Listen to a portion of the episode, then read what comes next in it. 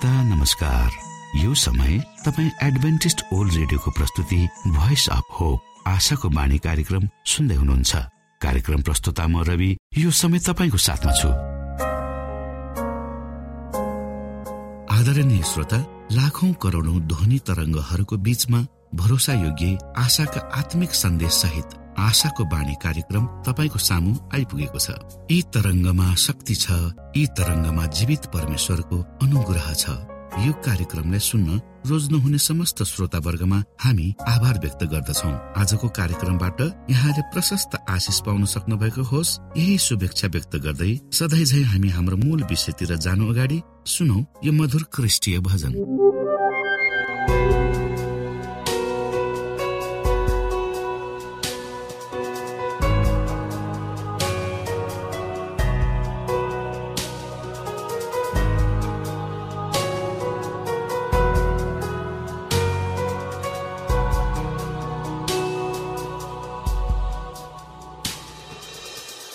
거기 차이나 아들 고요기야 액마라 말리 가봐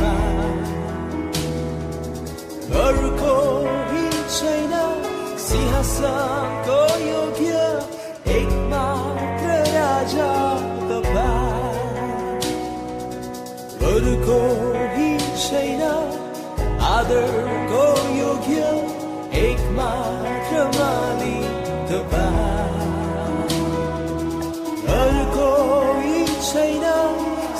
सिंहासनको योग्य एक मात्र राजा तपाईँ सारा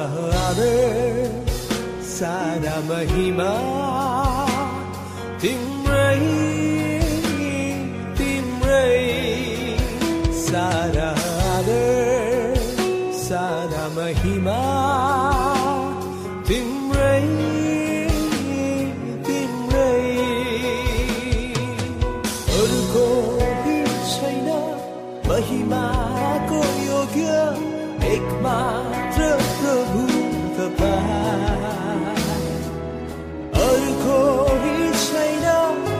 Kala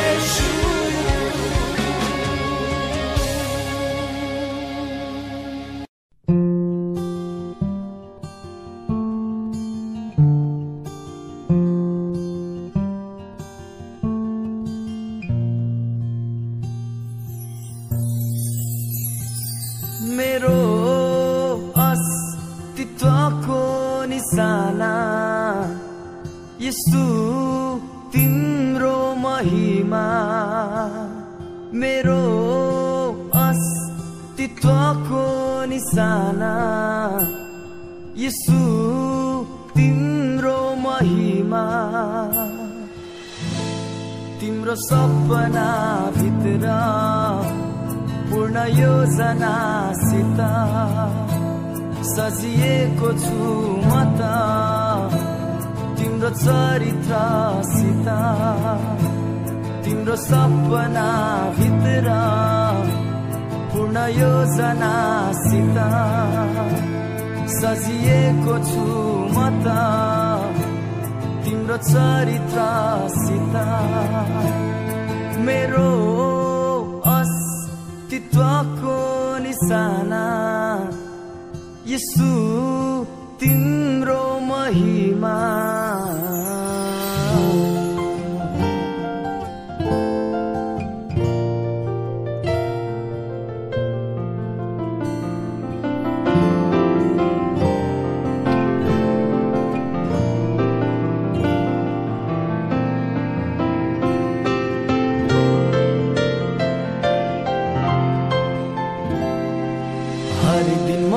तिमी जस्तै बन्दै जाऊ तिम्रो प्रेमको चरित्रमा भर्दै जाऊ हरेक दिन म तिमी जस्तै बन्दै जाऊ तिम्रो प्रेमको चरित्रमा म भर्दै जाऊ हुन्न एक दिनमा यो यात्रा पुरा।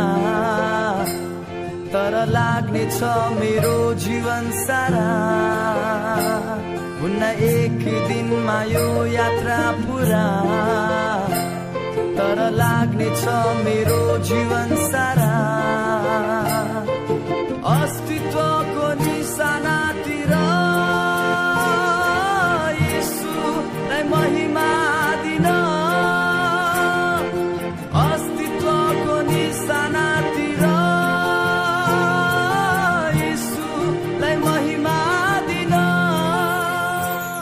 समय तपाईँ एडभेन्टिस्ट ओल्ड रेडियोको प्रस्तुति भोइस अफ होप आशाको बाणी कार्यक्रम सुन्दै हुनुहुन्छ। श्रोता मित्र यो समय हामी पास्टर उमेश पोखरेलबाट आजको बाइबल सन्देश सुन्नेछौ। श्रोता साथी न्यानो अभिवादन साथ म तपाईँको आफ्नै आफन्त अर्थात् पास्टर उमेश पोखरेल। परमेश्वरको वचन लिएर यो रेडियो कार्यक्रम मार्फत पुनः तपाईँहरूको बीचमा उपस्थित भएको छु। श्रोता मलाई आशा छ तपाईँले हाम्रा कार्यक्रमहरूलाई नियमित रूपमा सुन्दै हुनुहुन्छ र परमेश्वरका प्रशस्त आशिषहरू प्राप्त गर्दै हुनुहुन्छ। आउनुहोस् तपाईँ हामी केही समय परमेश्वर सँगसँगै बिताउनेछौँ। आजको प्रस्तुतिलाई पस गर्नुभन्दा पहिले म परमेश्वरमा अगुवाईको लागि बिन्ती राख्नेछु। जीवी जिउँदो महान दयाल परमेश्वर प्रभु हामी धन्यवादी छौँ। यो जीवन र जीवनमा दिनुभएका प्रशस्त आशिषहरूको। यो रेडियो कार्यक्रमलाई प्रभु म तपाईँको हातमा राख्दछु। यसलाई तपाईँको राज्य महिमाको प्रचारको खातिर यो देश र सारा संसारमा पुर्याउनुहोस् ताकि धेरै मानिसहरूले तपाईँको ज्योतिलाई देख्न सक्नुहोस्। त्यसबाट तपाईँको महिमा होस्। सबै बिन्ती प्रभु यीशुको नाममा। आमेन।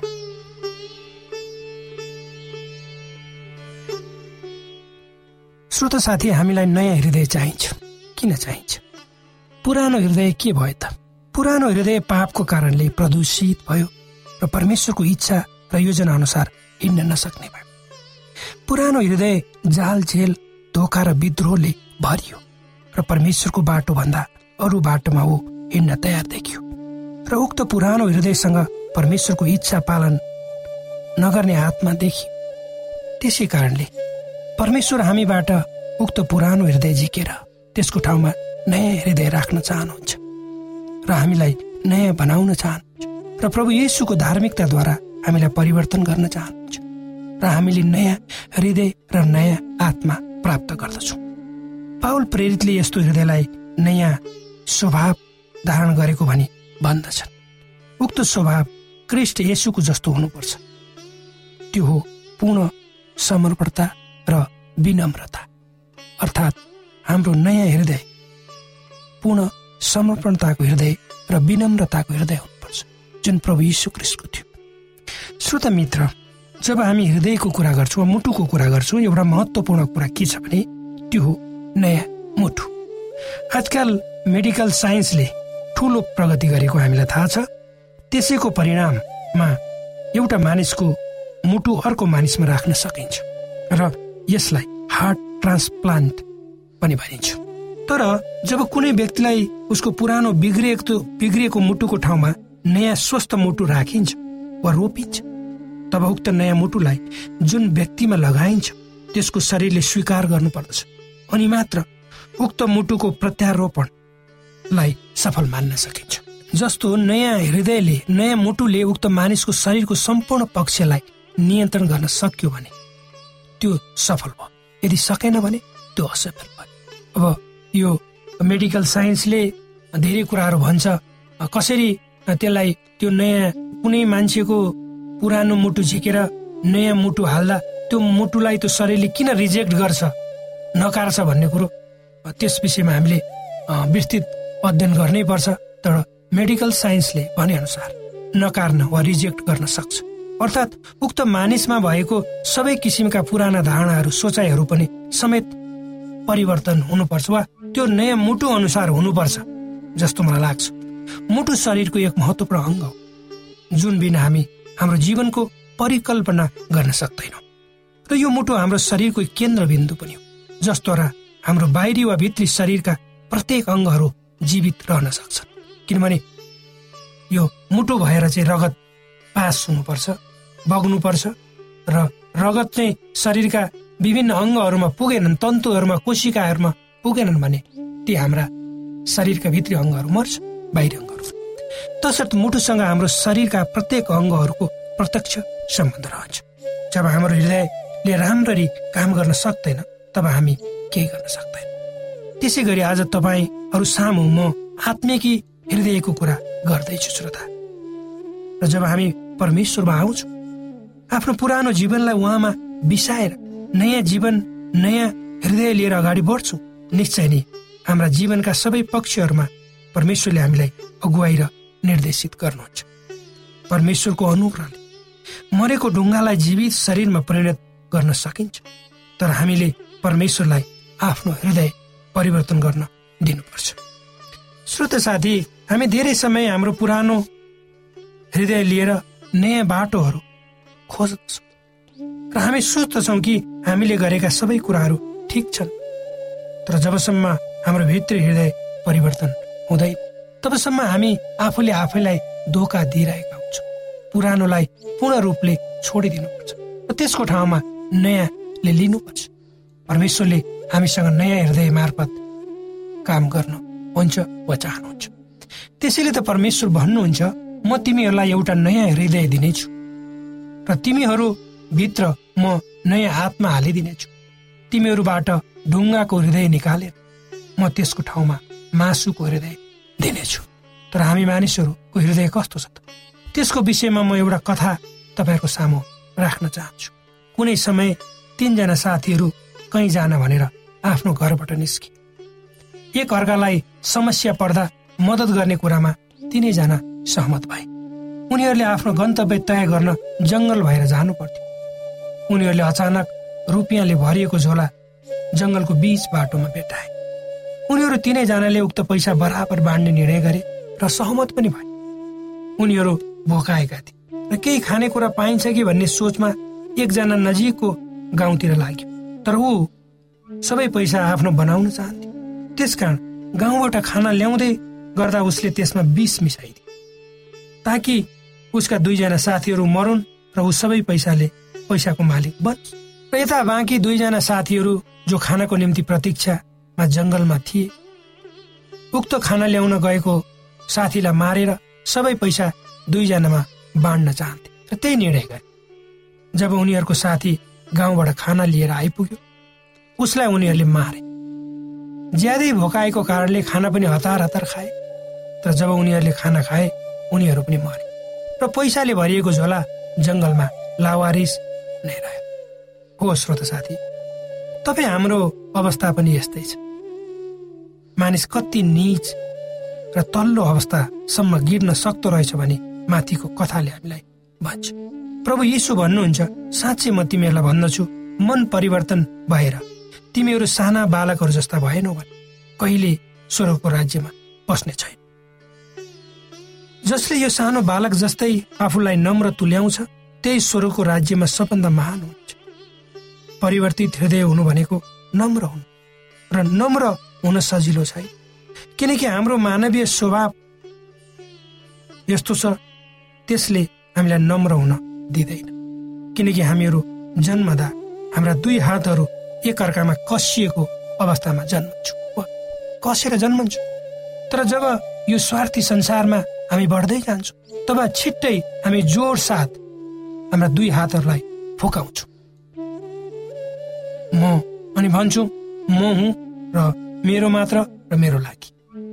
र हाम्रो जीवनको केन्द्रबिन्दु हामी र हाम्रो जीवन मात्र हुन्छ।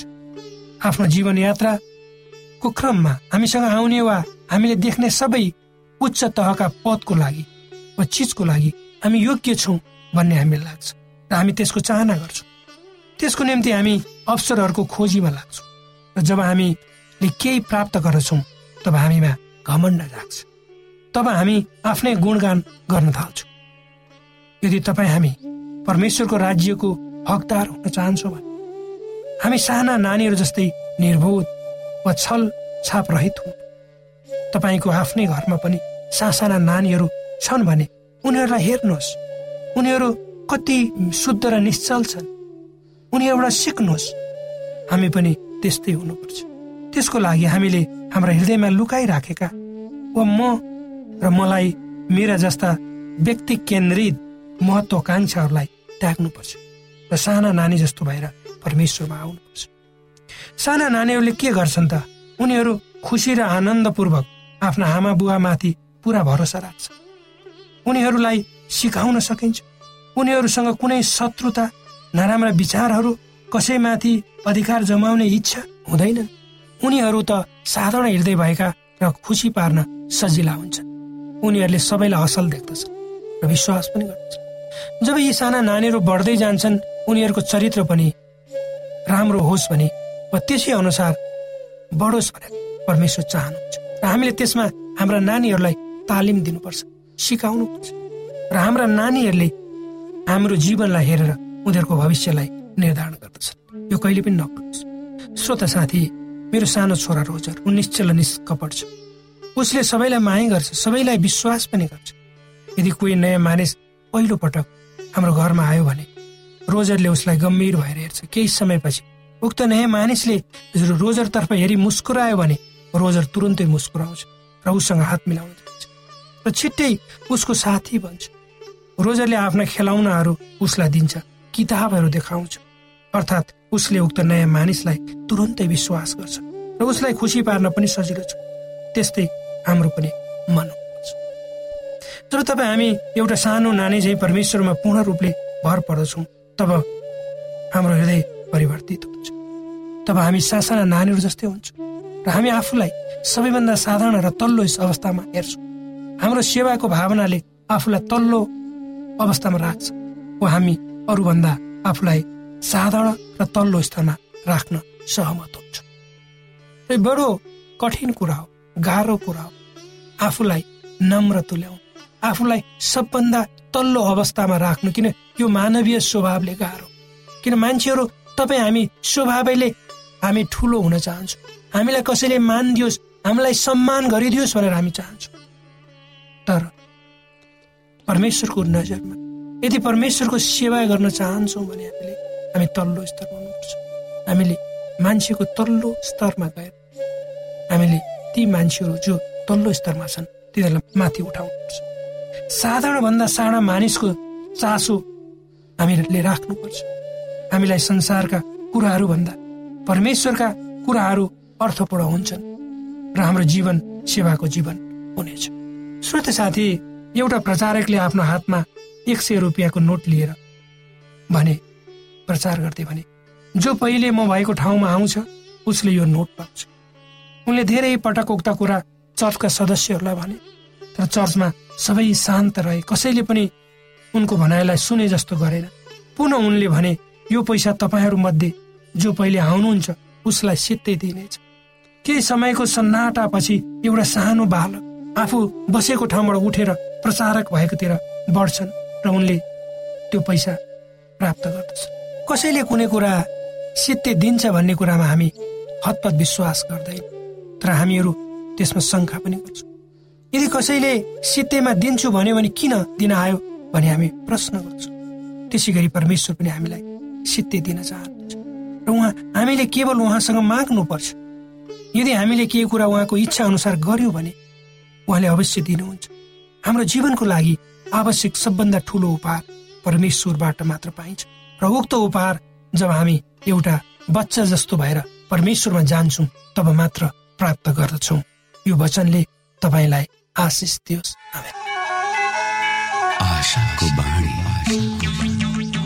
श्रोता भर्खरै यहाँले पास्टर उमेश पोखरेलबाट बाइबल वचन सुन्नुभयो। यो समय तपाईँ एडभेन्टिस्ट ओल्ड रेडियोको प्रस्तुति भोइस अफ होप आशाको बाणी कार्यक्रम सुन्दै हुनुहुन्छ। कार्यक्रम सुनेर बस्नुहुने सबै श्रोतालाई हामी हाम्रो कार्यक्रममा स्वागत गर्न चाहन्छौ।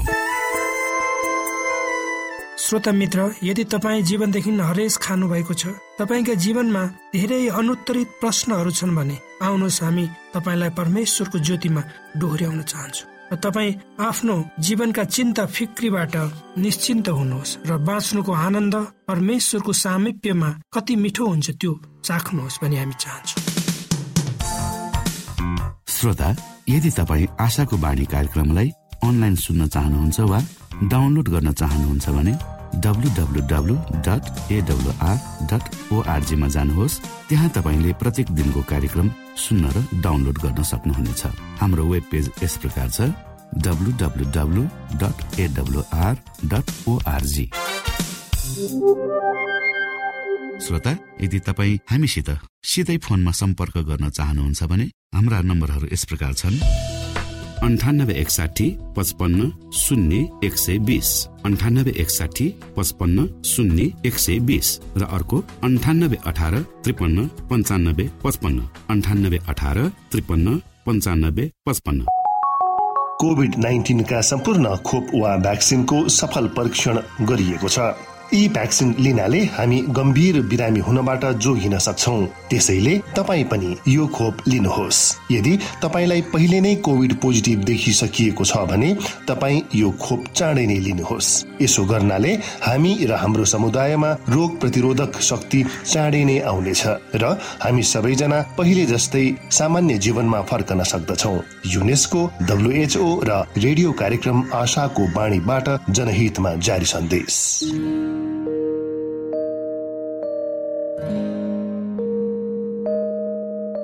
आदरणीय मित्र बाइबलले बताएको छ परमेश्वरले तीर्खाकाहरूलाई तृप्त पार्नुहुन्छ र भोकालाई उत्तम पदार्थले सन्तुष्ट पार्नुहुन्छ। हामीलाई दिइएको यो छोटो समय आशाको बाणीको प्रस्तुतिको समयमा हामीले हाम्रा श्रोताको आत्मिक भोकलाई केही मात्रामा भए तापनि सही प्रकारको खोराक पस्केर आत्मिक सन्तुष्टि दिन सकेका छौँ केही ऊर्जा थप्न सकेका छौँ भनेर हामीले आशा राखेका छौँ। आफ्ना मनमा भएका केही दुविधा र शङ्काहरू छन् भने अवश्य हामीसँग बाँडेर शङ्काको निवारण गर्नुहुनेछ र सही प्रकारको बाटो पहिल्याउन सक्नुहुनेछ परमेश्वरको सच्चाइले अझ राम्रो बुझ्न सक्नुहुनेछ र आफ्नो जीवनलाई परमेश्वरमा पूर्ण समर्पित भएर समर्पण सहितको जीवन बिताउन सक्नुहुनेछ भनेर आशा राख्दै अब हामी हाम्रो कार्यक्रम सकिएको जानकारी यहाँलाई गराउन चाहन्छौ। जानुभन्दा अगाडि श्रोता हामी यहाँलाई हाम्रो ठेगानाको विषयमा जानकारी गरौं। हामीसँग पत्राचार गर्ने हाम्रो ठेगाना यस प्रकार छ। आशाको बाणी पोस्ट बक्स नम्बर दुई शून्य शून्य शून्य दुई काठमाडौँ नेपाल। आशाको बाणी पोस्ट बक्स नम्बर दुई शून्य शून्य शून्य दुई काठमाडौँ नेपाल। यसै गरी श्रोता यदि तपाईँ हामीसँग सिधै कुराकानी गर्न चाहनुहुन्छ भने हाम्रो फोन नम्बर यस प्रकार छ। अन्ठानब्बे एकसाठी पचपन्न शून्य एक सय बिस र अर्को अन्ठानब्बे अठार त्रिपन्न पन्चानब्बे पचपन्न।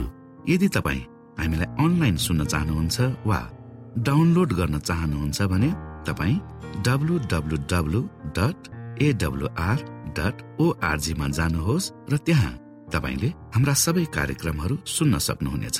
हाम्रो वेब पेज यस प्रकार छ W W W dot AWR dot ORG श्रोता यसमा गएर तपाईँले हाम्रा दैनिक कार्यक्रमलाई सुन्न सक्नुहुनेछ र डाउनलोड पनि गर्न सक्नुहुनेछ। हवस् त श्रोता हाम्रो कार्यक्रम सुनिदिनु भएकोमा एकचोटि फेरि यहाँलाई धन्यवाद दिँदै भोलि फेरि यही स्टेशन यही समयमा यहाँसँग भेट्ने आशा राख्दै प्राविधिक साथी राजेश र पास्टर उमेश पोखरेल र कार्यक्रम प्रस्तुता म रवि यहाँसँग विदा माग्दछौ। परमेश्वरले तपाईँलाई धेरै धेरै आशिष दिनुभएको होस्। नमस्कार।